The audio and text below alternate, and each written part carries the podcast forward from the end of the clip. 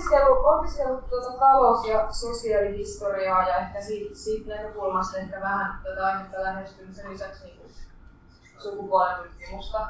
Niin kiinnostus on itse, oma kiinnostukseni on lähinnä jossain niin queer-teoriassa. Ähm, mutta mä yritän pitää tämän semmoisena niin kuin, ehkä mahdollisimman vähän akateemisena tämän luennon, että mä mielellään, mielellään puhun semmoinen keissi-esimerkkien kautta ja sitten vähän teoretisoida niitä. Että et, et, ei, tämä luento ei tule sisältää sellaisia niinku, ää, niinku akateemisten oppineiden siteeraamista varsinaisesti. Ää, sen lisäksi, no mitäs muuta mä oon tehnyt? No siis niin, mä oon, mä oon, mä oon äh, anarkisti ja aktivisti, queer-aktivisti ja äh, transhenkilö. Ne on ehkä saas mulla niinku, jotenkin näkökulmat ehkä tähän, että mistä mä oon nähty näitä juttuja hahmottaa, mutta, mutta näette sitten, mikä tämä keski on. Tämä aihe on ihan valtavan laaja, jos mä niin valitsin tämmöisen hirveän kivan tämmöisen tiimipaketin teille. niin, tota, niin se tarkoittaa sitä, että tämä on aika vahvasti rajattu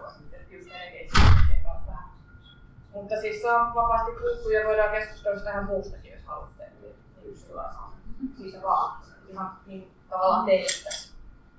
Tai mikä nyt teitä kiinnostaa. Joo, tota, mun tämän luennon aihe, se on ala oli lyhyt biopoliittinen historia. Ää, mä käyn itse mm, terminologia slaidi hävisi, en tiedä. Mutta tota noin, niin... Se on. On. Kerrotaan täältä ensin tämä. Joo. Eli äh, niin. sukupuoli, seksuaalisuus ja valtio oli se nimi.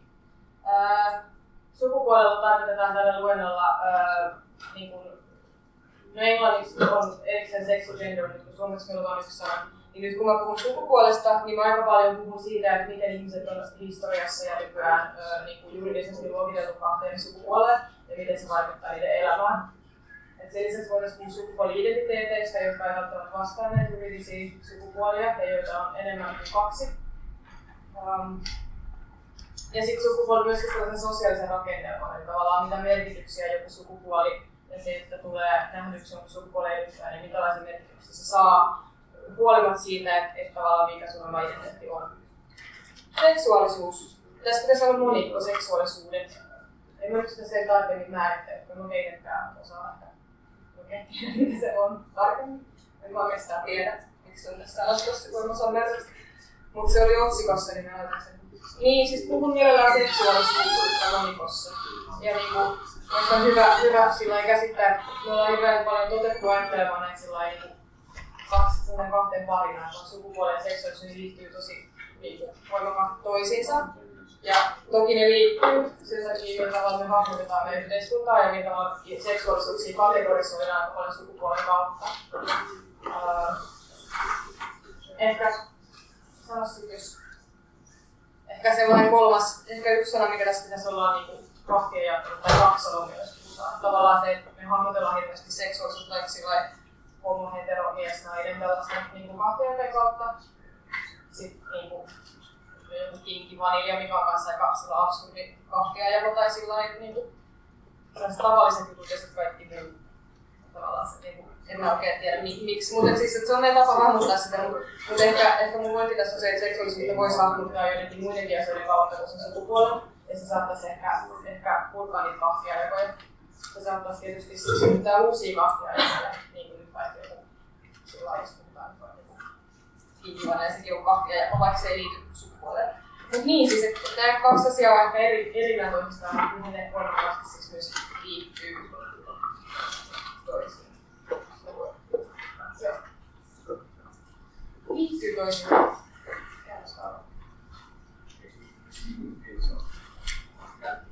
Mä toisin itseäni, toistin itseäni. Eli siis, että siis sukupuoli ja seksuaalisuus pitäisi käsitellä erillisenä asioina, mutta ne toki No sitten valtio. Sumuissa moderni valtio, eli siis ähm, niin kuin moderni valtio ei ole vanha juttu, tai että se on ollut jotain satoja vuosia olemassa. Ajatellaan sellaista. Mm. Ne on ollut kuningasta tai siis monarkioita, nykyään sitten ehkä enemmän tasavaltioita. Semmoisia, missä on, missä on jonkinlaisia ja sitten on kansalaisia. Ehkä erotuksena siihen, että ennen vanhaan on ollut kuningas ja sitten silloin on ollut alamaisia. Ja sitten sen kuninkaan suhteen niin alamaisia on vähän sellainen, siellä nyt pyörii ja on. Ja sitten niitä ehkä välillä teotetaan tai, tai rangaistaan jostain. Mutta niin kuin, valtion suhde kansalaisiin on ehkä vähän tiiviimpi. Ja tämä on niin moderni yhteiskunnan sellainen hetki. Ja sitten kansallisvaltio, myöskin tosi parisataa vuotta vanha. Tällainen ajatus kansallisuuksista on ehkä, niin ehkä joku sen, sen tyyppinen asia on ollut ehkä ennenkin olemassa, mutta, mutta ei missään nimessä niin kuin siinä mittakaavassa, mitä nyt, mitä 1800-luvulta alkaen. Mm jossa siis kansalaiset ovat paitsi jonkin valtion jäseniä ja tavallaan kansalaisuus jotain, jota ei valita, vaan kansalaisiksi synnytään. Kansalaisuus voi ehkä vaihtua. Mutta sen lisäksi se, että kansa tai valtio koostuu joku jostain tietynlaisista kansalaisista, niillä on jotain yhteistä, joku kieli tai uh, arvomaailma, tällainen niin kuin illuusio tällaisesta yhtenäisyydestä, joka, joka niin on tosi hyvä kyseenalaistaa.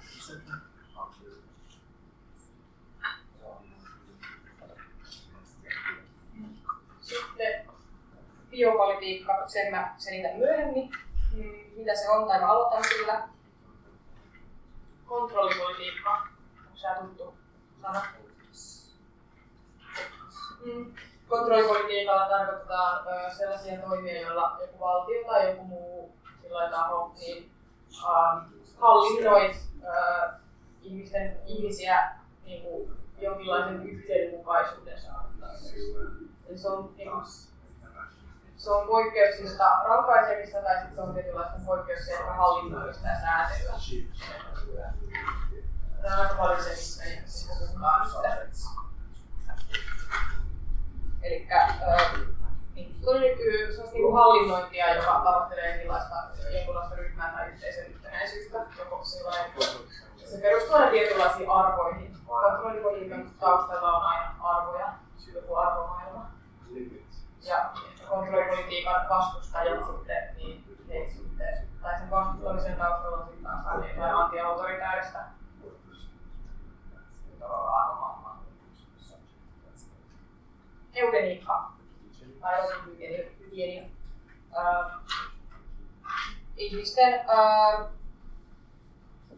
tota noin, niin, mm, tarkoitetaan sellaisia rotupuhtauteen, uh, rotupuhtautta tavoittelevaa niin ideologiaa ja sellaista praktiikkaa, niin lääketieteellistä ja sosiaalipoliittista ja sellaista kontrollia. Me pyritään jollain tavalla säätelemään jonkun ryhmän tai yhteisön geeniperimää.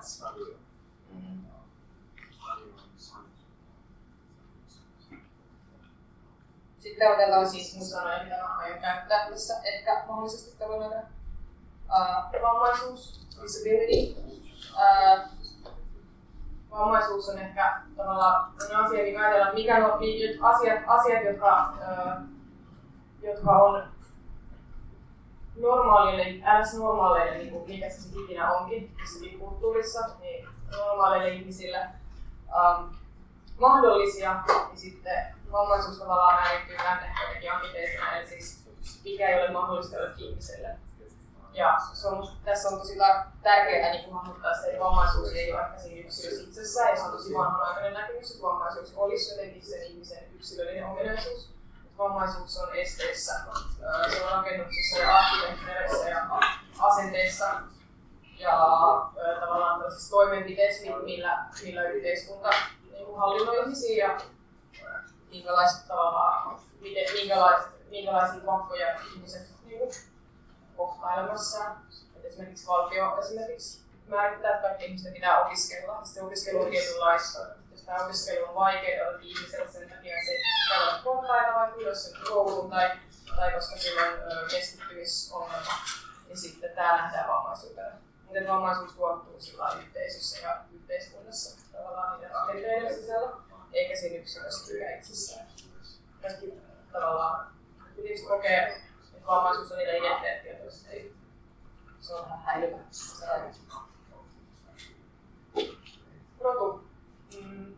Tässä on heikko merkitsevä varmuuden vuoksi, vaikka oikeasti kaikki tietää, että rotua ei sellaisen niin tavallaan minä biologisena niin laji, niin on lajien niin sellaisena jaotteluna ei niin kuin, ihmislaji ei jakaa minkälaisia joukkoja, niitä ei ole olemassa, mutta se ei tarkoita sitä, että, että, että rotu ei olisi sen sosiaalisen rakennelmana edelleen olemassa. Se on hyvin paljonkin sitä. Ja siihen liittyy tämä rodullistaminen. Sen lisäksi, että Englannissa, englanniksi puhutaan people of color, niin valkoisuuden vastakohtana, tai ehkä vastakohtana, joo, tavallaan vastakohtana, niin racializing tai rodullistaminen, se kieli koskee Niin tarkoitetaan siis sellaista ylhäältä päin, ylhäältä päin tulevaa ja ulkoapäin tulevaa sellaista määrittelyä ja merkitsemistä, eli tai arvojen hierarkioita, joilla merkitään erilaisia ihmisiä esimerkiksi heimokarin perusteella. Joku, vaikka, joku, ehkä, joku parisuhdekin voisi olla rodullistettu tai joku kuva, valokuva voi olla rodullistettu tai se voi rodullistaa.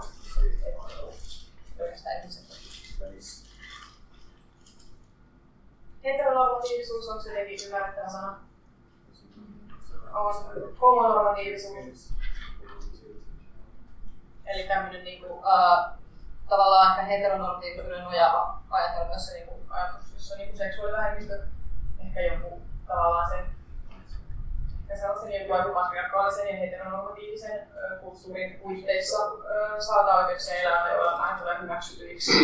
mutta, mutta, tavallaan, niin kuin, mutta tavallaan se niin kuin, hyväksytyksi tuleminen tavallaan sen ehtona on, niin se noudattaa sellaista jonkinlaista logiikkaa, joka sitten kuitenkin nojaa noihin heteroituksiin cis-sukupuoliset, syntymästä määritelty. Siihen sukupuoleen kokee kuuluvansa trans tämän vastaavalla. Queer, no en mä oikeastaan osaa määritellä sitäkään. Jätetään se auki. Joo, se auki.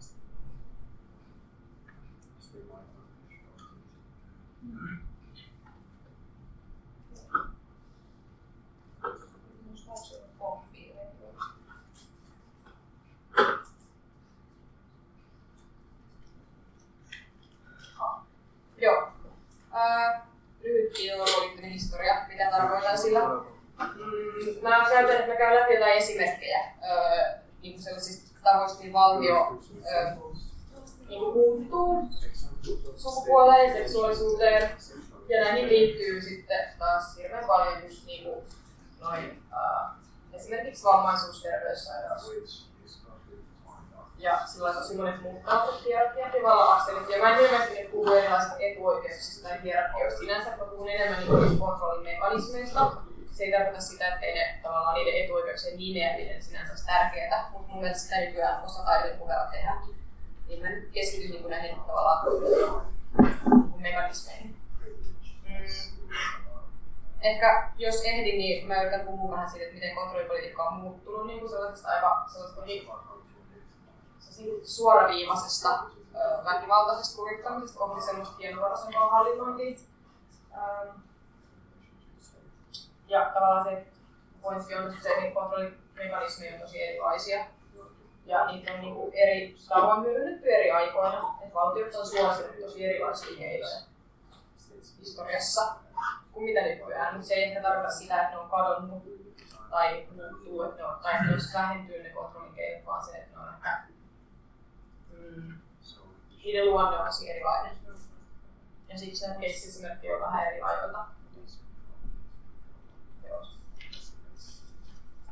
Ja tota, saa nostaa kättä keskeyttää ja sillä lailla kommentoida ja sitten lopuksi toivottavasti kaikki.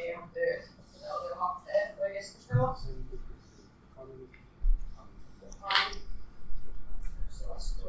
Mm.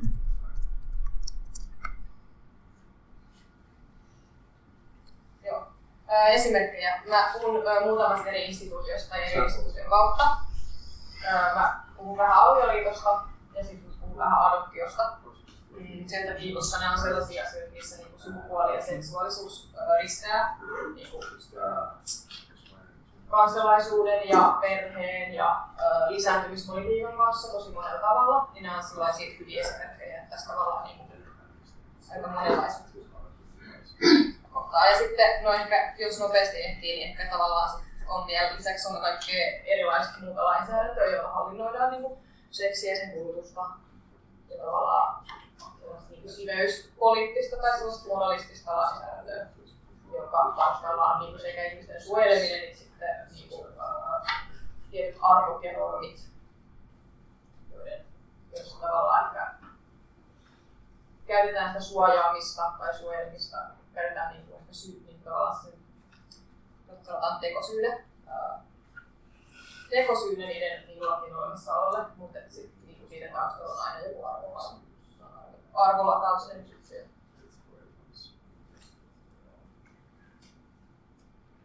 No niin, sitten tämä, mitä se geopolitiikka tarkoittaa, kun sen lukee siinä otsikossa. Ää, niin mä ajattelen sen näin, tämä on ihan päästä. Tämä on nyt se, mitä geopolitiikka tarkoittaa tällä luennolla, tämä, tämä on niin avauksen määritelmä oikeastikin. Ää, se on niin kuin elämän syntymiseen ja uusintamiseen ja ylläpitämiseen kohdistuva hallinnointia. Eli ää, ajatuksena niin vastakohtana sille, että, että hallittaisiin niin kuin, esimerkiksi kuoleman tuottamisella. No, siis kuoleman tuotanto esimerkiksi ei ehkä niin kuin sillä no, se voi olla biopolitiikkaa, jos sen tavoitteena on jonkun tietynlaisen elämän edistäminen, joka ajatellaan, että se on ehkä tavallaan se vastakohta. Tai siis biologi- biopolitiikka on nimenomaan niin elämään, elämään kohdistuvaa valintaa. Ja siis ihan niin kaikkea. Se on niin tosi laaja Mutta se, että tässä risteää tosi erilaiset vallanaksentit.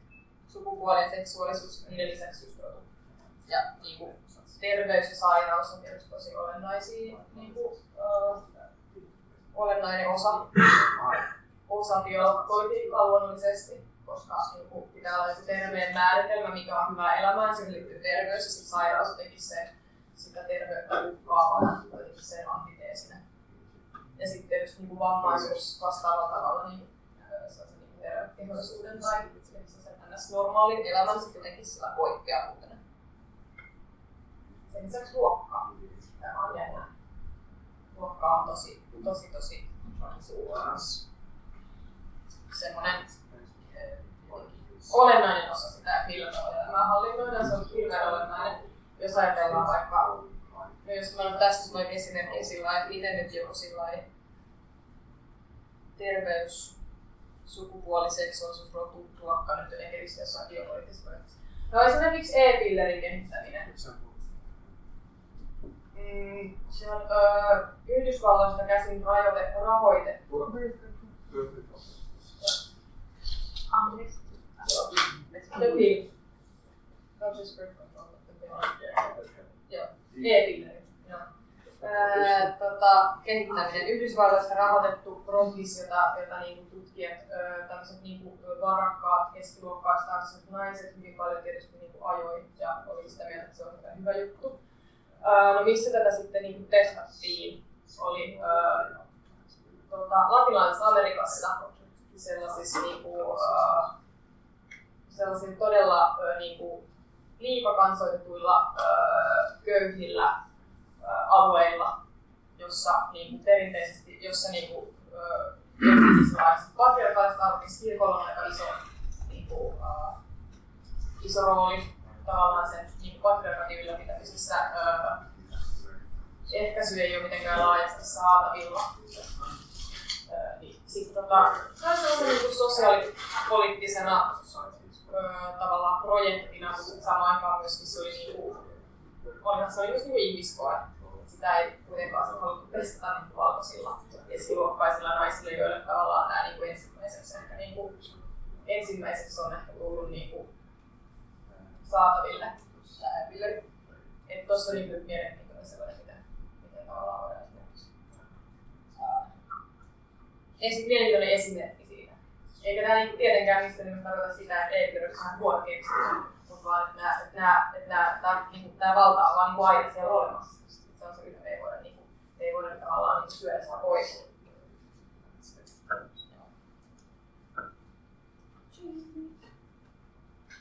Tällä Joo. No niin. Eli no, biologipolitiikkaan liittyy siis aika voimakkaasti niin kuin, tavallaan ö, heteroseksuaalisuuden niin kuin, oletus, tavallaan se, että niin kuin, seksuaalisuus kytketään niin, niin voimakkaasti lisääntymispolitiikkaan. Ajatellaan, seksuaalisuus on jotain, jotain mikä, ei ole irra, mikä ei ole olemassa irrallaan lisääntymisestä. Totta kai se on sitä, mutta seksuaalisuuden merkitys nykypäivänä on tosi vaikea irrottaa siitä lisääntymisestä. Niin hirveän helposti niin kuin, se palaa sinne just sen takia. Että lisääntyminen on niin, niin kiinnostava. Tavallaan nimenomaan valtion mielestä tosi kiinnostava. Ja miksei jonkun siirrokin mielestä. Mutta erityisesti niin valtion silmissä se tosi kiinnostava areena, missä niin valtaa voi harjoittaa. Minkä takia sitten oikeastaan niin silloin kaikki seksuaalisuuden ilmenemismuodot, niin sitten hirveän helposti yritetään palauttaa sinne lisääntymispolitiikan piiriin. Kiinnostavaa. Ja sitten niin patriarkaalisuus tavallaan liittyy sukupuolihierarkia myöskin. Eli sitten tämä matriarkaalisuus sen takia, koska, koska tavallaan nykyään myöskin sellainen niin sellainen niin kuin hoiva, joka kuitenkin liittyy biopolitiikkaan, niin tavallaan sit se kuitenkin niin nähdään hirveän paljon silloin sukupuolitetusti. Ja jotenkin sellaisena niin kuin, jotenkin se kuitenkin se naisen, roo, naisen rooli, mitä se tarkoittaa, niin tota, tämän, niin kuin, tavallaan tämän sillai, lisääntymispolitiikan sellainen toimilla tai subjektina ja, ja sitten toisaalta myös kohteena. Kohteena myös tosi paljon, niin se on jotenkin hirveän luonnollista. Ja jotenkin sitä, sitä, on niin vaikea myös irrottaa siitä. Hirveän vaikea kon, niin kuin naisen kategoria tai konsepti on välillä aika vaikea irrottaa myöskään jostain vaikka äitiydestä. Että se hirveän usein niin liitetään yhteen, vaikka se ei olisi mitenkään pakollista, näin vaan jostain syystä tehdään. Joo. Mut joo, mä käyn vähän siellä lisää, mä käyn näitä case-esimerkkejä läpi ja puhun vähän tästä lisääntymispolitiikan historiasta. Toi pronatalismi pitää vielä selittää. Se on niinku se, mistä tavallaan kaikki lähtee. Käännös.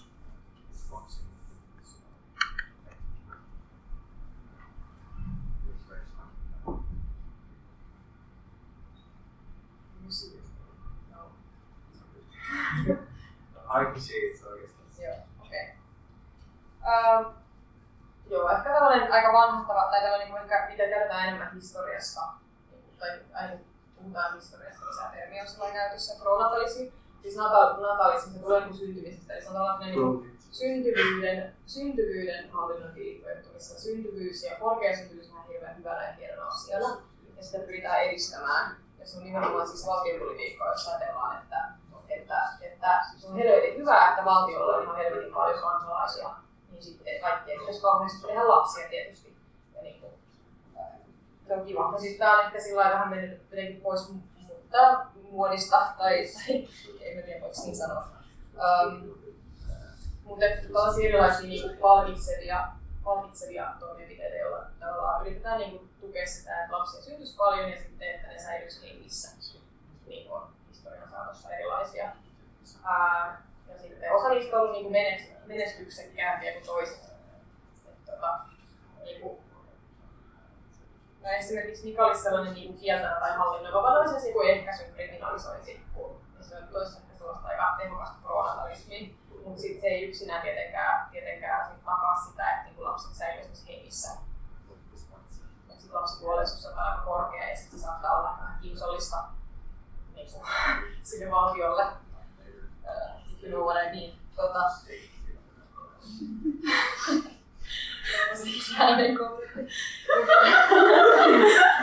mutta siis on myös tällaisia niin kuin, hienovaraisempia tapoja edistää sitä, kuten sosiaalipolitiikka, jossa, jolla esimerkiksi niin kuin, uh, uh, vaikka esimerkiksi äitiys, äitiyspalvelut, neuvolapalvelut on esimerkiksi yksi ihan niin kuin klassikko, ja ne on, niin kuin, sillä, on tosi hyvä asia, että niitä on, mutta se ei tarkoita sitä, etteikö niitä olisi niin kuin erityisesti niin kuin vaalittu ja harjoitettu niin kuin sillä niin kuin erityisen innokkaasti harjoitettu esimerkiksi Saksassa sen takia, koska niin kuin siellä se oli, oli, oli, oli tosi tärkeä, tärkeä osa tällaista politiikkaa. Et jälleen kerran tätä niin kuin valta-aspektia ja niin kuin ehkä sellaista tietynlaista väkivaltaa tai vallankäyttöä ei voi niin kuin erottaa tästä.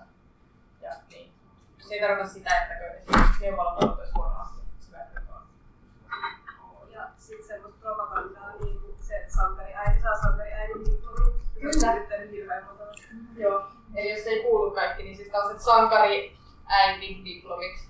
Tai sitten sellaiset niin ylipäänsä ne ihannointi, niin kuin vaikka se, että niin kuin isällä on monta lasta, niin se tarkoittaa, että on hyvin. Hän on sillä niin kuin, jotenkin se niin kuin menestynyt. Että siinä maskuliinisuudessaan. Mä puhun nyt tällä lailla kategorisesti, mutta yritän kiinnittää huomioon että näihin arvoihin. Mm. Mut joo, äh, ehkä sitten sellaista pronatalismin lisäksi voisi puhua antinatalismista, joka on tavallaan se niin epätoivotun syntyvyyden karsimista. Äh, ja siinä päästään niin kuin, äh, noihin pakkosterilisaatioihin, joista mä puhun vähän, että ne on niin sellainen yksi aika sellainen niin kuin itsestäänselvä pointti, tai sellainen niin itsestäänselvä juttu, että tavalla nekin niin kuin, syntyvyyttä hallinnoidaan. Ja sitten mä, mä olen ottanut nämä esimerkiksi sen takia, koska nämä liittyy niin voimakkaasti just sukupuoleen. No, siitä kohta lisää. Ja sitten on näitä instituutioita, missä minkä tavallaan niin kuin ehkä lävitse tai ö, kautta sitä niin kuin harjoitetaan sitä politiikkaa. Ne on just näin kerroin avioliitosta ja adoptiosta puhun vähän. Ja joo, sitten niin erilainen kontrollipolitiikka, mikä kohdistuu sitten erityisesti niin poikkeaviin seksuaalisuuksiin. Mutta taas jos netti toimisi. Tämä on tästä tuota, korkosterillisuudesta tämmöinen.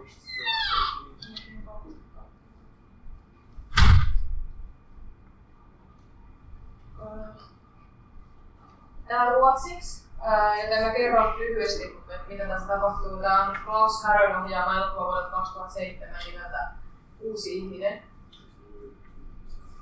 Eli New Dimension. Tämä kertoo, tämä niin pohjautuu löyhästi tämän tota noin, niin käsikirjoittajan äidin ja hänen tota noin, siskonsa tarinaan 50-luvun Ruotsissa. Mä ehkä selitän lopuksi vielä, mitä tässä tapahtuu, jos on kieli, kielellisiä jotain. Sitten äidin näitä voi olla tietysti kuitenkin tahtiin.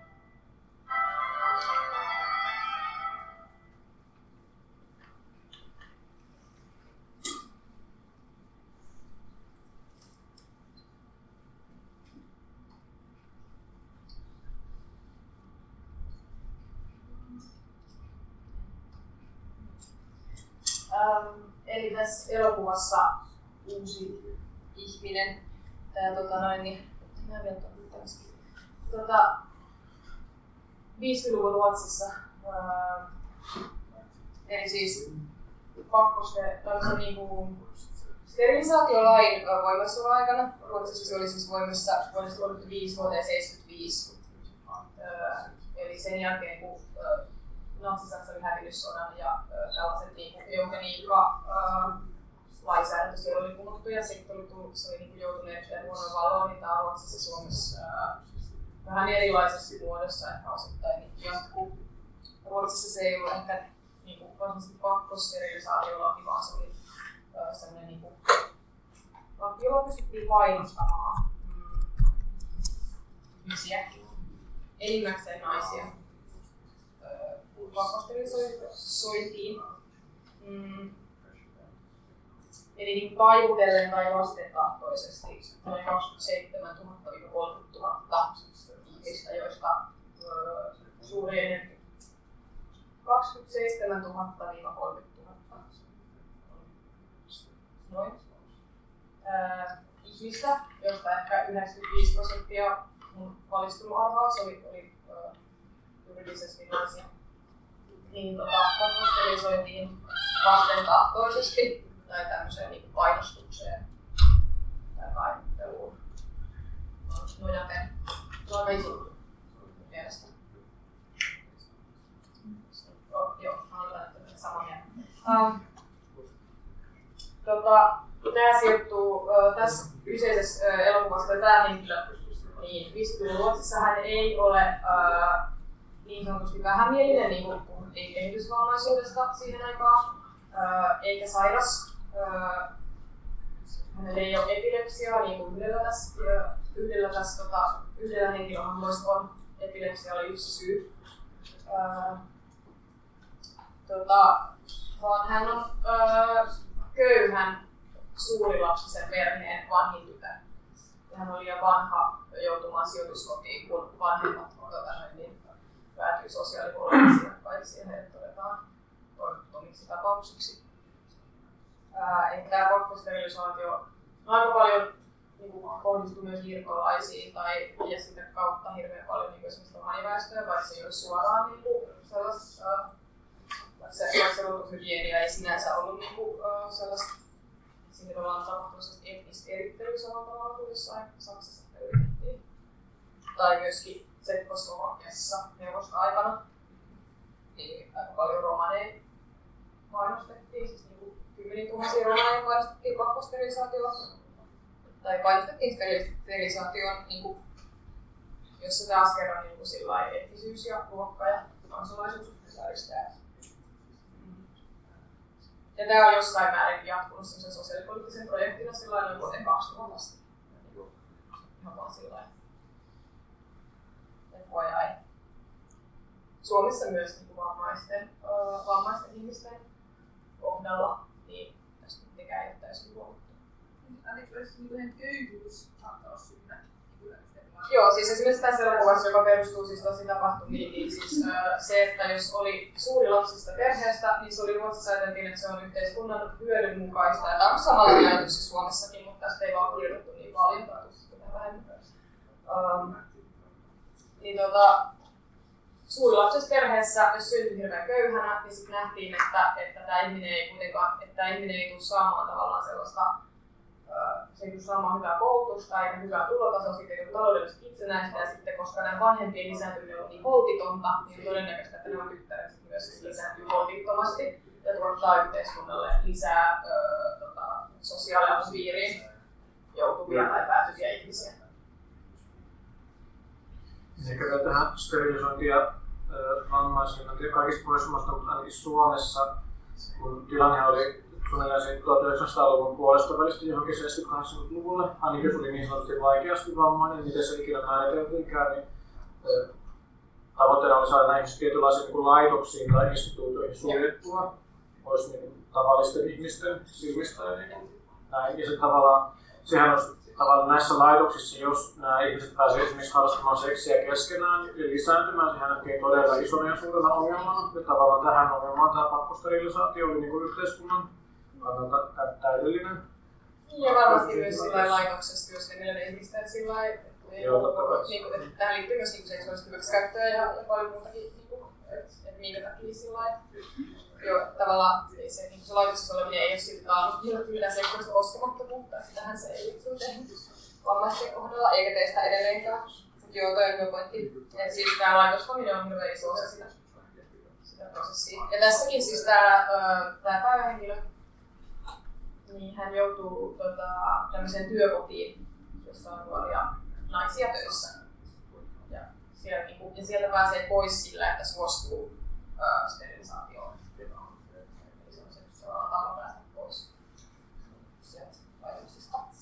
Mm.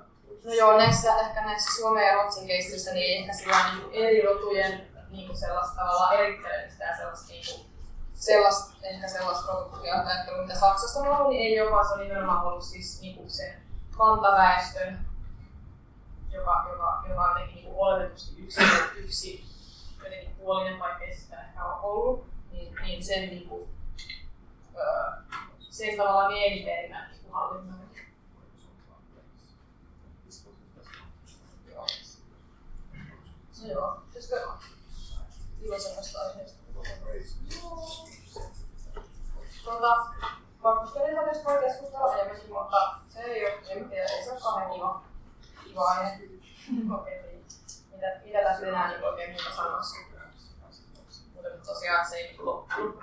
Mutta ehkä tämä niinku 1900-luku on ehkä tällaisen niinku, äh, sellaisen niinku eugenikoisen äh, lisääntyvyyspolitiikan kulta-aikaa. Et niinku, et tota, tietysti niinku, Natsi-Saksan kanssa muistetaan, niin siellä tietysti tällaista niinku suoraa avoimen väkivaltaista likvidointia tapahtui, joka, niinku, sillain, joka on niinku erilainen tapa täysin.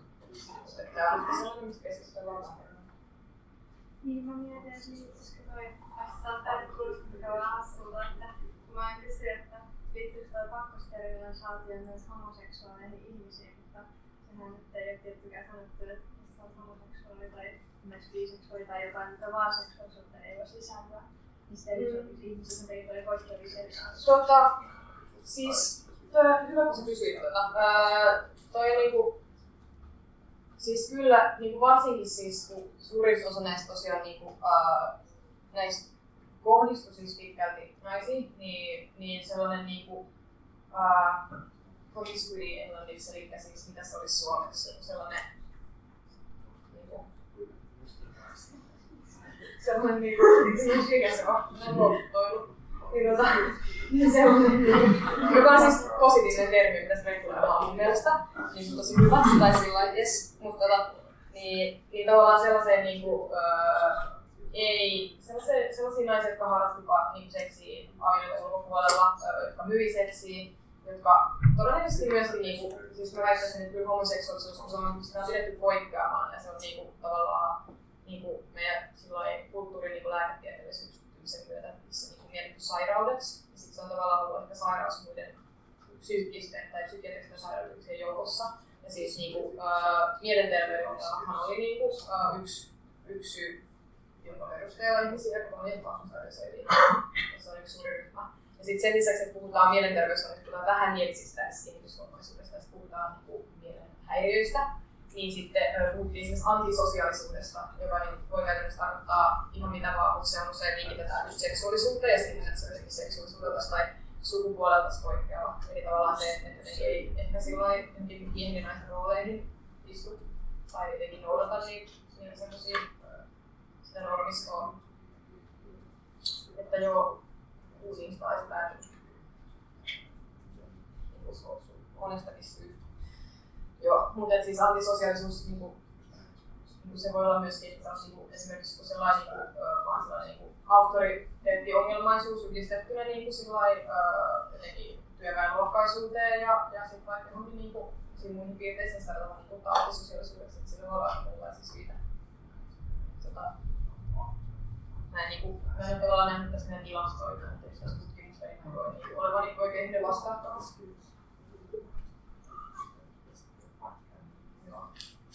Sitten mä puhutaan avioliitosta. Mm. Mitäs, ää, mitäs siihen nyt sitten kannattaisi sanoa? No, ää, Suomessahan siis, vai no, aloitetaan siitä mitä, niin joo, aloitetaan.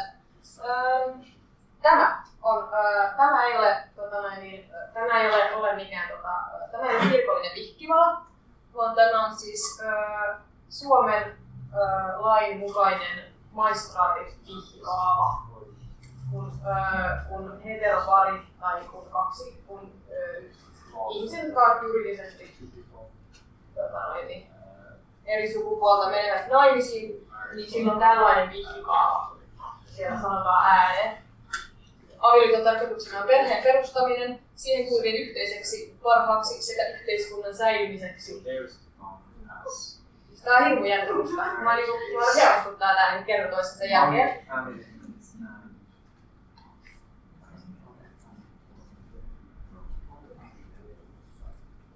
Ja vitsihän on siis se, että kun meillä on tämä rekisteröity parisuhde, joka on niin kuin monella tapaa hirveän paljon ä, avioliiton kaltainen instituutio, muuten paitsi, että ulkoista adoptio-oikeutta ei ole, eikä, ö, eikä voi ottaa puolison nimeä, niin, tota, niin, niin tätä samaa, ö, tätä samaa ripsua ei, ei lauta siellä. Vaan siellä sanotaan, tai mä en nyt muista miten se menee tarkalleen, mutta siinä puhutaan jotain tasavertainen, yksilön vapaudet ja tasavertainen riippuvuus ja jotain tällaista. Joo, siis siellä, siellä on sellainen niinku, siis että se on siis ihan täysin eri. Se on ihan niinku, siis ja sekin on tosi hauska se, se kuullut, kun se luetaan ja jotenkin sillä lailla niinku pidetely nauraa, niin, mutta siis tää on niinku jotenkin absurdimpi. Ja niin, siis että eihän tästä ole niinku mitään kristillistä vaikka totta kai, niinku, ää, totta kai niinku, sillä lailla Suomessa niin avioliittoinstituutio niin siihen liittyy paljon kirkollista. Ja Tota, niin, niin. Tämä on maistraatin juttu. Mm. No mitäs avioliitto sitten on? Mitä sekin määritellään? No ajatellaan, että se on kahden, ö, kahden tai useamman henkilön jotenkin vapaaehtoisesti tai määrätysti solmio ja sitten joku valtion tai kirkon tai joku muu tämmöinen yhteisön tai auktoriteetin tunnustama liitto. Kyllä ihan määritelmä. Ja sitten jos niitä on ö, kaksi niitä henkilöitä, niin sitten se on monogaaminen ja sitten jos on useamman, niin sitten se on joku polygaaminen. Joo, avioliitto. Niin. Sitten aina niin kuin tunnustamiseen, niin sen tavallaan liiton tunnustamiseen ja sen virallistamiseen liittyen rituaalit tai protokollia, vaikka tätä tai niin kuin vaikka esimerkiksi tai sitten voitaisiin miettiä jotain muita kulttuureja. Mm. No sen lisäksi siihen liittyy hirveän paljon just perhe, perheen perustamiseen ja lisääntymispolitiikka, siihen kuuluvien yhteisiksi parhaaksi ja yhteiskunnan säilymiseksi. Kaikki täällä löytyy tästä. Niin kuin, tästä. Hienoa. Sen lisäksi mä haluaisin itse niinku korostaa, että avioliitto, tai miten mä niinku hahmotan avioliittoa tosi paljon, on, on se, se on, se on niinku yksikkö.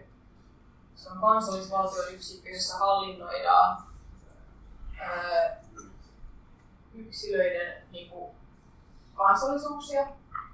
Kansalaisuuden voi saada ää, avioliiton kautta, siis Suomen kansalaisuuden ää, voi sitä kautta saada menee naimisiin tai erityisorganismiteen. Mikä on nyt kätevää. Ää, No, sit sen lisäksi se on ö, niinku tapa yksintaa luokkayhteiskuntaa tulonsiirtojen kautta, tai se on sen väline, sekä väline että keino. Öö, ehkä ensiksi niinku, sillai, niinku horisontaalisesti, eli tulonsiirroilla vaikka verotuksen kautta, öö, ja sillä tarjoamaan jotain ilmaisia palveluja, ja sitten tarjotaan niinku perhepalveluja, tai perheyksikölle kohdistetaan jotain palveluja, ja sitten kohdistetaan yksikölle niin tavallaan perheestä tulee sellainen soli- sosiaalipoliittinen yksikkö.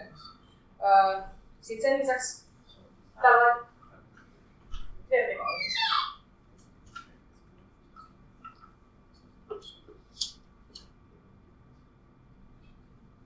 Eli sitten vertikaalinen tulonsiirto. Öö, eli sukulaisuussuhteeseen, yleensä verisukulaisuuteen perustuva ää, malli. Öö, eli siis toisin sanoen perintö.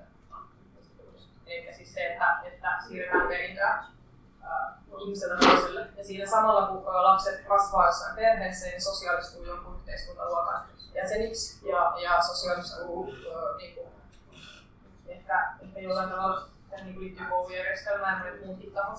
Heistä tulee jotenkin sillä yhteiskunnan jäseniä ja kansalaisuuksia kansalaisia ja sitten tulee täysikäisiä. Ja sitten, ää, sitten niin kuin, ää, tämän perinnön kautta niin sitten myöskin niin kuin, No sekä sen sosiaalistamisen kautta että sitten sen taloudellisen perinnön kautta niin perii sen yhteiskuntaluokan syntyy. Ja tavallaan niin kuin, sosiaalipolitiikka on sitten keino silloin niin kuin, ehkä jollain tavalla edistää luokkiertoa, mutta ei mun mielestä valtion sisällä hierarkisessa yhteiskunnassa sitä ei voitaisiin poistaa. Anarkismi. niin, siis, niin siis nimenomaan perintö sitä kautta, että se perii sun isän yhteiskuntaluokan, koska avioliittoinstituution tarkoitus myös varmistaa, että tiedetään isyys, jotta voidaan periä isä. Kyllä, joo, juurikin näin. Ihana, että sanoit tämän.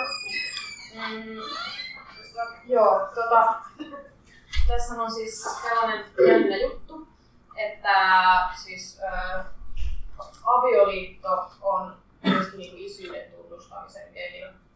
Äh, eli jos niin kuin, äh, naimisissa oleva pariskunta saa lapsen, niin silloin, äh, tota, silloin se niin kuin, aviopuoliso, aviomies automaattisesti katsotaan sen lapsen isäksi.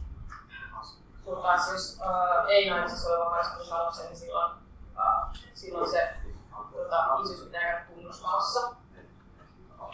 Ja tällä hetkellä jos epäilee olevansa jonkun lapsen isä, niin ei voi painostaa sitä toista vanhempaa. Tai siis, että se lapsi, lasta ei voi, ei voi se lapsen isyyttä ei voi testata ilman sen toisen vanhemman tai siis sen synnyttäjän suostumusta.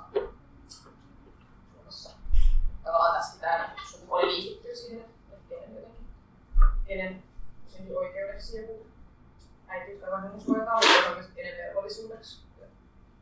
Tämä on sellainen, mikä alun perin täällä niin kuin, Joo, mutta siis toisinpäin niin voi tehdä, siis voi, voi, voidaan siis kyllä siis voidaan näitä tunnustamaan isyys tai siis sitä testiä vai toisinpäin voi tehdä. Mutta tämä on siis mielenkiintoista. Ähm, avioliitosta, mitäs muuta? Hmm. No ehkä, ehkä just se, että no siis uusinnetaan niin sukupuolirooleja ja uusinnetaan sitä luokkaa, luokkaa missä se on ja uusinnetaan ja myöskin, koska se on sellainen paikka, missä tapahtuu tosi paljon sellainen arvo sosiaalistaminen, mikä on ehkä just yksi syy, minkä takia niin moni arvokeskustelu just usein liittyy nimenomaan perhepolitiikan lisääntymiseen ja johonkin muuhun asiaan. Että minkä takia meillä on niin kuin nämä päivittäiset VS-liberaalit keskustelut on edelleen olemassa, niin minkä takia ne herättää niin voimakkaita tunteita ihmisissä ja minkä takia ihmiset niin regressoituu siihen käsittämättömiin niin statementteihin just näissä kysymyksissä. Mm. No joo. Ää... Niin avioliittolaista. Niin. No siis tietysti se, että pitää olla juristi eri sukupuolta, se on se yksi määrä. Rekisteröidyt parisuhteet on ollut 2002 vuodesta alkaen, ja sitten voi olla, että ne. Uh, joo. Mun mielestä on, niinku, mun mielestä on ihan hirveä sellainen jotenkin, sitä niinku HLPT politiikka jotenkin sellainen niinku murheenkryyli, että ihmiset keskittyy tällaisen, tällaisen instituution jotenkin niinku varjelemiseen ja tavallaan sellaiseen niinku, siihen niinku mukaan pääsemiseen. Se on kauhean suullista, että tähän täällä jotain energiaa, että se olisi tehdä jotain fiksumpaa. Mutta joo, en mä tarkoita sitä, että erilaiset lait erilaisilla ihmisillä olisi hyvä juttu sinänsä. Mutta se, että miksi, miksi ei kaikki voi siis vaan rekisteröidyiden parisuhteita. Miksi pitää olla vaan, miksi niitä saa yhden. Ja se on hyvä jäykkä järjestelmä sillä huoltajuuden kannalta myös sillä lailla huoltajuuden tai yrityskäätty eroa. Se on kahden kankea, että ei se mun mielestä niin sillä lailla mitenkään niin pelkästään seksuaalivähemmistöjen näkökulmasta on tai tavallaan sellaisen niin assimilaation näkökulmasta ongelmallinen, vaan se on myös ihan turha instituutio. Mm. Joo. No sitten ehkä, ehkä sellainen yksi mielenkiintoinen lisäys tai pointti öö, on, on ehkä se, että, että öö, avioliitto laki vuodelta 29 vuoteen 69 asti Suomessa esimerkiksi, näin on toki muuallakin ollut, mutta öö, öö, niin avioehto niin kuin, oli tämä, että pitää olla no, tietysti ikärajat ja sitten vastakkaista sukupuolta.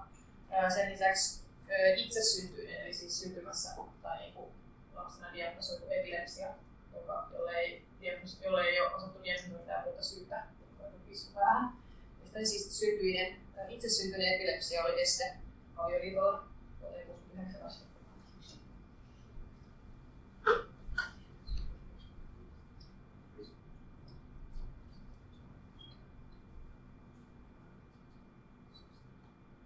myös toinen tämmöinen lisääntymispoliittinen jännyys, tai siis väärennys, äh, kaksi kuuromykkää tässä sama, samat siis vuosikymmenet, kaksi kuuromykkää. Ei ole voinut naimisiin keskenään. Vuoteen 65 asti. Ihan vaan sellaisena, kun jotenkin itse näen jotenkin tosi paljon jotenkin ilmassa ja tässä meidän yhteiskunnassa keskustelussa on niin sellaisia 20-luvun lopun ja 30-luvun merkkejä ilmassa. Tota, ihan vaan on mielenkiintoista jotenkin sillä lailla palata näihin, tota, näihin juttuihin. Et niinku, koska historia ei ole mikään sellainen ikuinen progressio, jossa kaikki muuttuu vaan paremmaksi meillä, mitä ei ole sitä mieltä.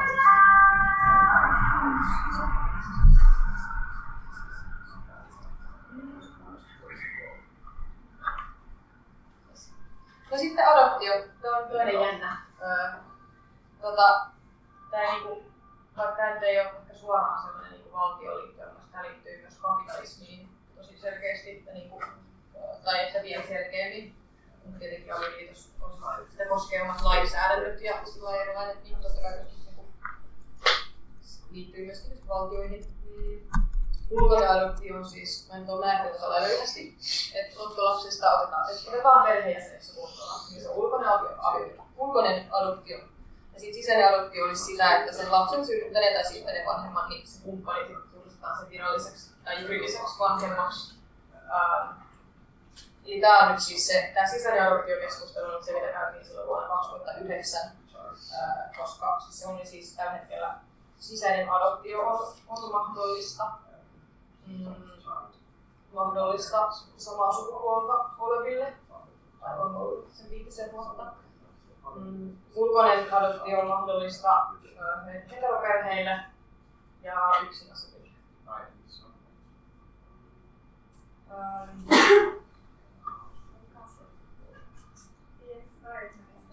Mä haluaisin, että tuosta ulkoisesta adoptiosta mä olisin itse perehtyä siihen, niin aika luokkapöydi, kun mun mielestä siellä taustassa on vähän pituuden rikkaus, että sä voit adoptoida ketään. Joo, on hyvä siinä. Joo, on. Tota, mut niin, mä ajattelen, että adoptio on instituutio, jolla sillä hallinnoidaan jotenkin muihin kuin erisukulaisuuksiin niin perustuvia, kiitos, perheenjäsenyyksiä ja vanhemmuuksia. Ja tavallaan on se tarve sillä tai se, se, että kun meillä on sillä niin perisukulaisuutta koskevia lakeja, niin sitten tavallaan se tarve hallinnoida muunlaisia sukulaisuuksiin tai suhteen kanssa hyvin olennainen. Mm. Joo. Tota, tota, ähm, käytännössä siis adoptiopolitiikka tuun tähän seuraavaksi on siis Suomessa ja muuallakin se on, siis se on älyttömän porvarillista. Se oli superkeskiluokkainen instituutio. Äh, täytyy olla vakituinen työ ja niin kuin kohtalaisesti hyvät tulot, että niin kuin, sillä niin kuin järkevällä nopeudella pääsee etenemään niissä jonoissa että voi, et voi niinku ulkosaadoptioon ryhtyä. Mm-hmm. Ja se on, sellaista, ja se on niinku tosi sellaista keskiluokkaista elämää ja hetero ydinperheen jotenkin sellaista elämää ja arvomaailmaa ihannoivaa myöskin. Et siis periaatteessa niinku yksin asuva vaikka homomies niinku voisi tietysti sillai, öö, niinku hakea adoptio tai hakea adoptioprosessiin ja voisi ehkä niinku päästä sinne. Mun totuus olisi se, että se valikointiprosessi on niin sellainen puolellinen ja niin sellainen heterokeskeinen, että tavallaan niin kuin, se, niin kuin, siis se aika, jonka se joutuisi käyttää sen prosessin, on niin käsittämätön verrattuna siihen, että jos on, jos on niin hyvä tulonen, äh, hyvä tulonen valkoinen äh, suomalainen ydinperhe, on tietysti muitakin kriteerejä. Ja sitten tavallaan se, että miten vaikea on että sitten jotenkin niin kuin, hahmottaa, että minkälaisia ongelmia jossain perheessä voi olla siitä huolimatta, että on taloudellisesti menestyviä. Ja jotenkin erityisesti perheen osalla, ydinperhe on liistyviä. Mm. Ja sitten meillä on, niinku, sit meillä on niinku ilmiö, jossa niinku sit tavallaan todella rikkaat ihmiset, öö, jotka itse näkee tai jotka usein niinku jos ajatellaan, hyvän tekeväisyyden muoto, niin sinne adoptoi niin köyhistä maista ää, lapsia, jotka ja pelastaa ne sitten alkoiseen ja rakenteeseen. Sitten tulee onnellisia taloudesta. ei kauheasti niin pohdita sitä, että et, et tavallaan mm, millain niin esimerkiksi on uudistettu ja adoptiolasten oikeudet ja erilaiskysymykset niin kuin kietoutuu tähän. Ja mä en niin kuin ainakaan käsittääkseni esimerkiksi Wittenbergia, niin en mä tiedä kuinka paljon kouluttaa se siihen jollain tavalla, mutta ainakin tämä on kuullut sillä niin, niin ainakaan niin, niin vanhemmilla ei välttämättä ole minkäänlaista käsitystä siitä. Mm. Ja sitten esimerkiksi sitten jos niin vammaisia lapsia adoptoidaan samat kysymykset, ehkä se vaan että piristyy, mutta täällä on usein yksi, kaksi, kolme. Niin mä vaan lisätä, että vissiin myös niin kuin mielenterveyden ongelmat on esteenä adoptiolle. Ei ole välttämättä pelkkä masennus, mutta Joo. muut mielenterveydelliset ongelmat. Jos masennus johtuu lapsettomuudesta ja siitä, että on niin paljon halunnut näitä lapsia ja siksi on niin ok. Niin, joo, joo, kyllä, totta. Osaan sanoa, niin siis puhutaan ulkoisesta adoptiosta vielä niin kuin kansainvälisenä adoptiona, Mm. niin ylipäätään Suomen vuosittain niin sisällä adoptoidaan tosi vähän lapsia, on tosi marginaalinen ilmiö. Niin, tota, se kansainvälinen on vielä siinä mielenkiintoista, että ei vaan Suomen lainsäädäntö, vaan myös se, mistä maasta lapsi tulee. Niin on hyvin, niin että, että ketkä saa adoptoida ja vaikuttaa siinä taustalla. Ei vaan Suomen lainsäädäntö. Ja sitten se lisäksi, että miten se raportointi, monesti puhutaan tämmöisestä adoptoinnin jälkipalvelusta, missä seuraillaan sitten sitä perheen kuulumisen ei suinkaan sen takia, että sillä lapsella jotenkin menisi siellä perheessä, vaan se lähettänyt maa haluaa tietää, miten se lapsi siellä perheessä musta Ja siis joo, on adoptio Joo. Ihan siis, joo. Ja sitten kansainvälinen adoptiohan ei ole biopolitiikkaa pelkästään siellä maassa, se lapsi adoptoidaan, vaan myös siellä, mistä se adoptoidaan. Kyllä. Että se, on, se voi olla sekä ihmiskauppaa, mutta sitten se voi olla myös keino esimerkiksi päästä eroon sitä ongelmasta, joka on nuorissa äidit ja heidän lapset. Että sitä ei oikein voi varmentaa, että olisiko ne, että onko se niin, onko se olosuhteiden pakossa esimerkiksi ollut tämmöisen lapsen adoptio tai onko siinä ollut jotain kasvattamista tai muuta. Juuri näin, aivan. Ja tähän liittyy just, että minkälaista sosiaalipolitiikkaa maassa minkälaista lisääntymispolitiikkaa, ää, minkälaisia oikeuksia niillä vanhemmilla käytännössä on. Ja minkälaisen tavallaan niin kuin, minkälaisen uhan ja oikeuksien menetyksellä se, se, niin kuin, tota, biologisen vanhemman ehkä niin kuin, köyhyys esimerkiksi osoittaa Tämä on sellainen, missä niinku sellainen jotenkin luokka ja sellainen edullisuus on tosi vahvasti läsnä. Siksi halusin tuoda tätä esille. Ja sitten tosiaan se, että niinku seksuaalisuuksia hallinnoidaan, hallinnoidaan niin voimakkaasti. Onks tota...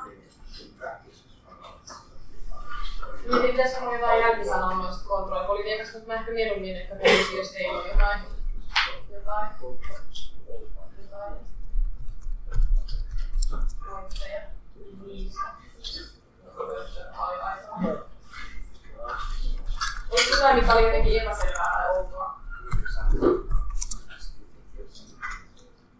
Onko maailma on epäselvä ja outo? Paha, mutta se.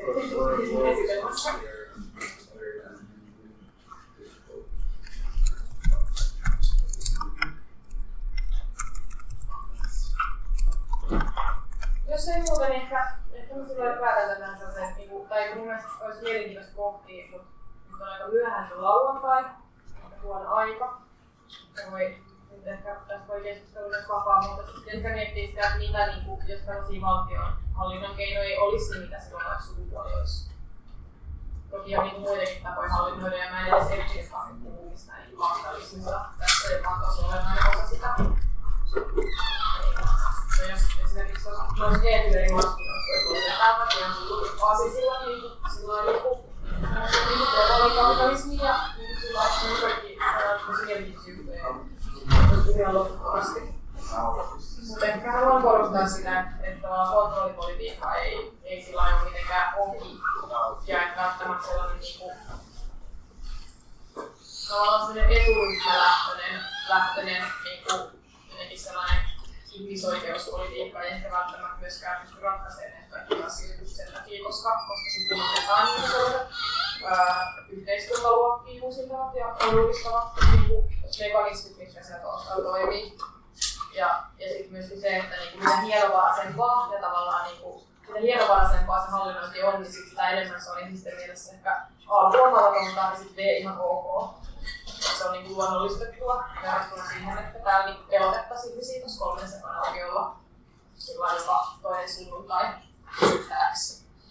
Niin, sen sijaan niin kannattaa ehkä sit ihmiset kannattaa laittaa sit mieluummin, niin kuin, jos haluaa sillä jotenkin laittaa sellaista demokasta ja jotenkin sellaista niin jotenkin ihmisten elämänkannalta lähikotaista biopolitiikkaa ja kontrollipolitiikkaa, niin se sulkee laitoksia esimerkiksi vankiloihin tai mielisairaaloihin ja, ja kontrolloida näitä tällaisia tavallaan sellaisia mekanismeja, keppiä porkkana sosiaalipolitiikalla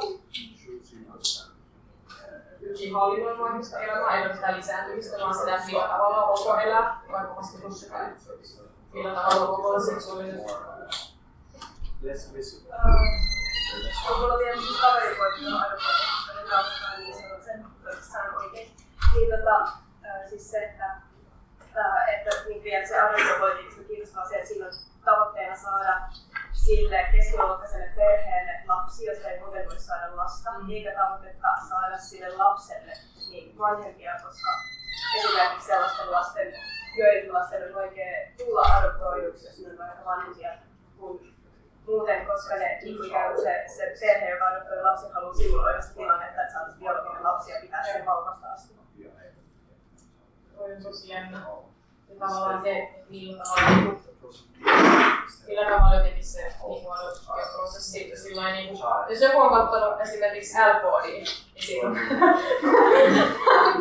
siinä on sellainen mielenkiintoinen palavaliikki tai sellainen keskustelu, kun siinä on sellainen todella niin kuin, varakas ja rikas lesbopari, ne on kaikki jostain syystä tosi temmejä, ja ne asuu losissa ja voimaltaan ja ne on rikkaita. Ja sitten käy vähän jossain töissä välillä, mutta enimmäkseen ne vaan sillä juo koktaina ja se on niin kuin, on niin kuin, ihan absurdissa sarja muutenkin, mutta siis niin, mutta siis ihan, viihde, ihan viihdyttävä. Mutta siinä käydään tällainen keskustelu siitä lahjoittajasta, jossa siis on tällainen äh, niinku, äh, tämä toinen niinku, varakas nainen, joka tavallaan on hirveän jotenkin sillä tiukkana tai innoissaan oli elämässä sellaista niinku, elättäjän roolia ja ehkä, ehkä sellaista joka olisi perinteisten isän rooli.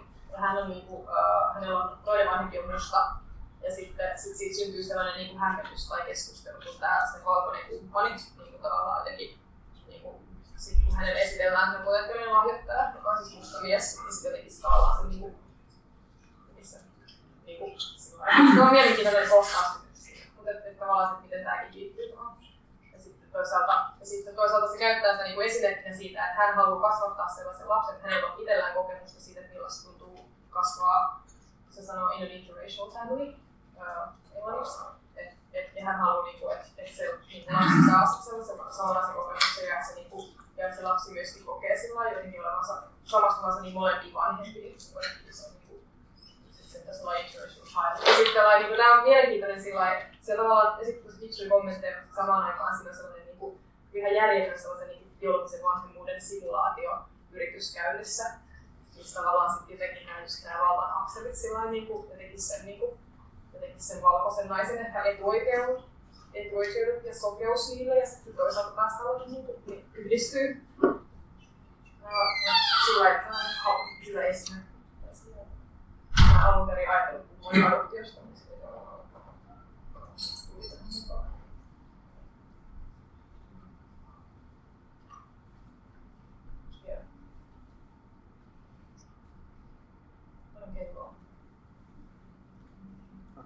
sitten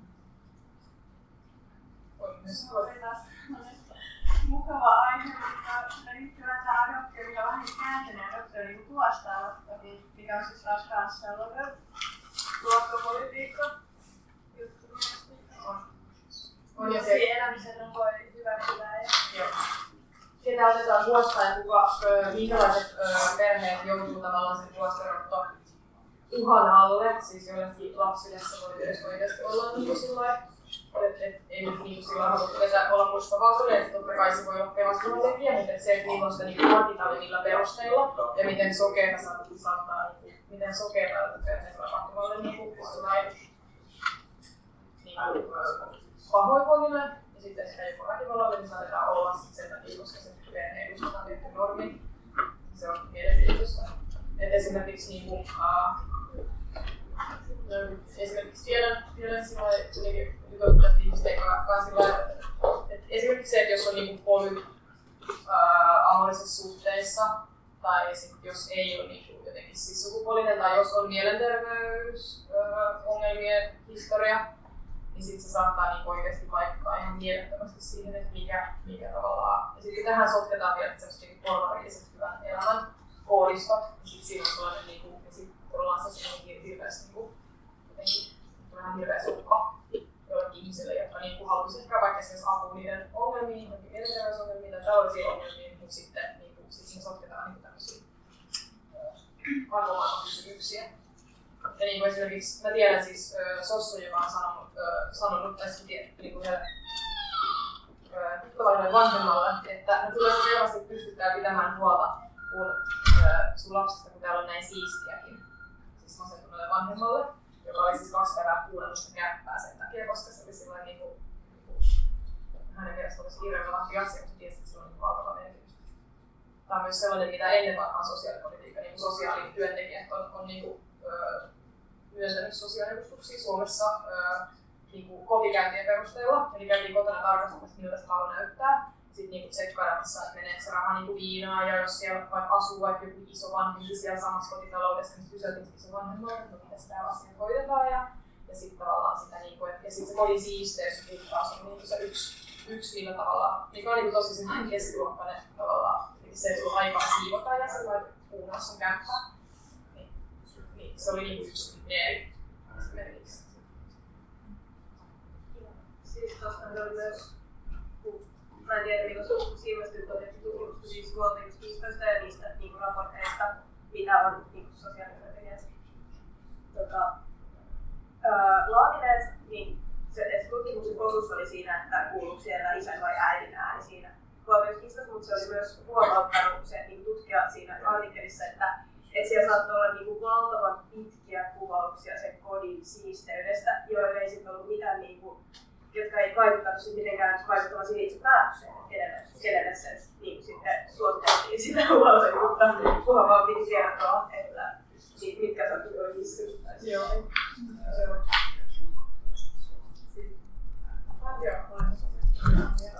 Mä voin sanoa tähän lyhyt kommentti, että, että esimerkiksi lastensuojeluilmoituksen voi saada vaikka näpistämisestä, mutta ei taas jostain vaatteesta se on kuitenkin mun mielestä tavallaan niin silleen ihan selkeää, että ketkä tekee näpistyksiä ja kenen ei ole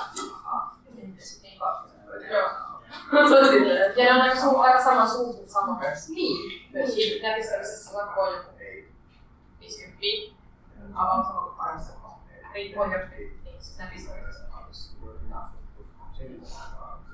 se on se niinku raha-arvoltaan, niin se on tuolla tai sitten Haluaisin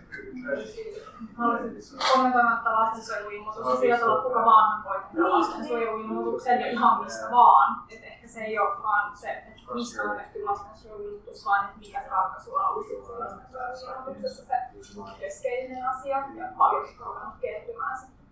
Opiskelen se sitten sosiaalialalla. Myönnän. Mutta tota, mm, mutta sitten myös se, mitä tulee, niin mä näkisin vielä ongelmallisempana sen, että on sosiaaliohjaajia, jotka tekee aika jalkautuvaa työtä.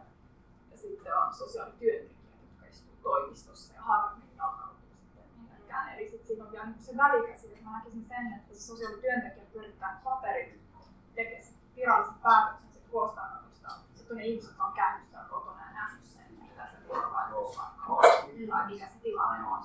Niin siinä voi tulla vielä siis on surullista, että siinä voi tulla jotain niin häikkää siinä prosessissa. En tiedä, Me puhuttiin niin paljon kaikista perhejutuista, että tällainen niinku, tällainen niinku, tavallaan tämmöinen kuoppa miten puhuta. Siis mua piti puhua kahteen seksistä. ja mä ajattelin, että se oli varmaan se, se niinku otsikossakin. Ja sitten me oikeastaan puhunut olemaan sitä hirveästi puhunut seksuaalisesta poikkeavuuksista. Joo, perhe, perhe vei kaiken. tilan taas keskustelulta. Perheiden kaiken tilan seksiä. Tapahtuu sekaan niin sanotusti. Tai siis Joo. En mä tiedä, siis lähinnä vaan sen ehkä, ehkä käytännössä sillä esimerkkinä siitä, mitä, mitä niinku, öö, esimerkkinä niinku valtionhallinnoinnista, no, oli lähinnä se, mitä niinku seksi on hallinnoitu ja kriminalisoitu. Se on sellaisia, mistä olisi voinut puhua. Öö, niinku homoseksuaalisuuden kriminalisointi ja sodomia lait ja öö, niin pornografia ja erottiset materiaalit. Öö, sääntely ja kie- kieltäminen.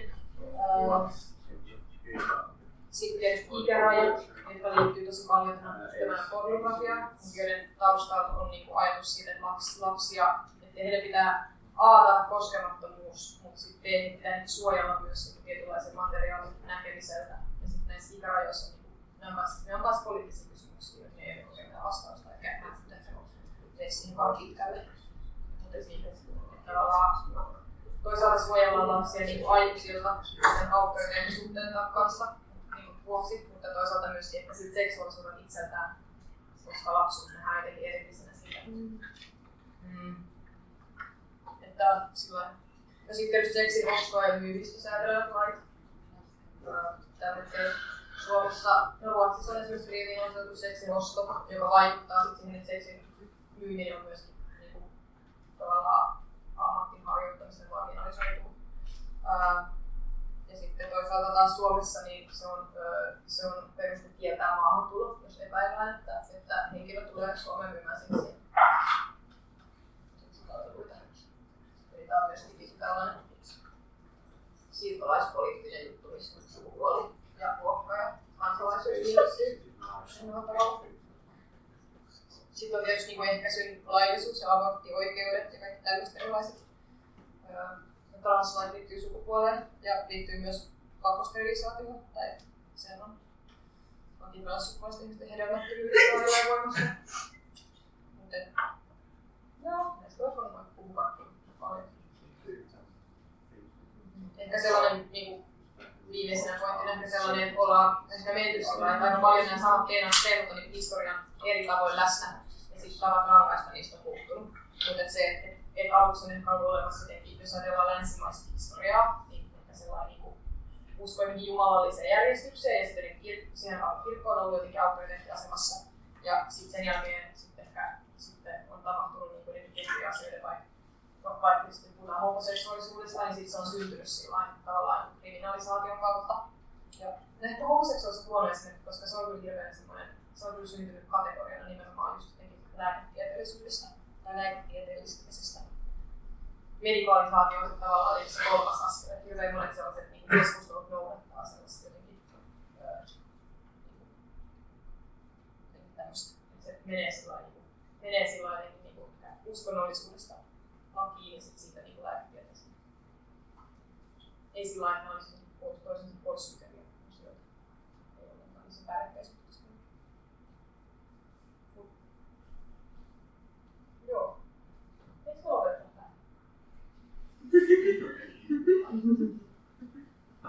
Suoraan lähteä. Jos haluat kierrytä tehtävän huonolta. Suoraan päästä.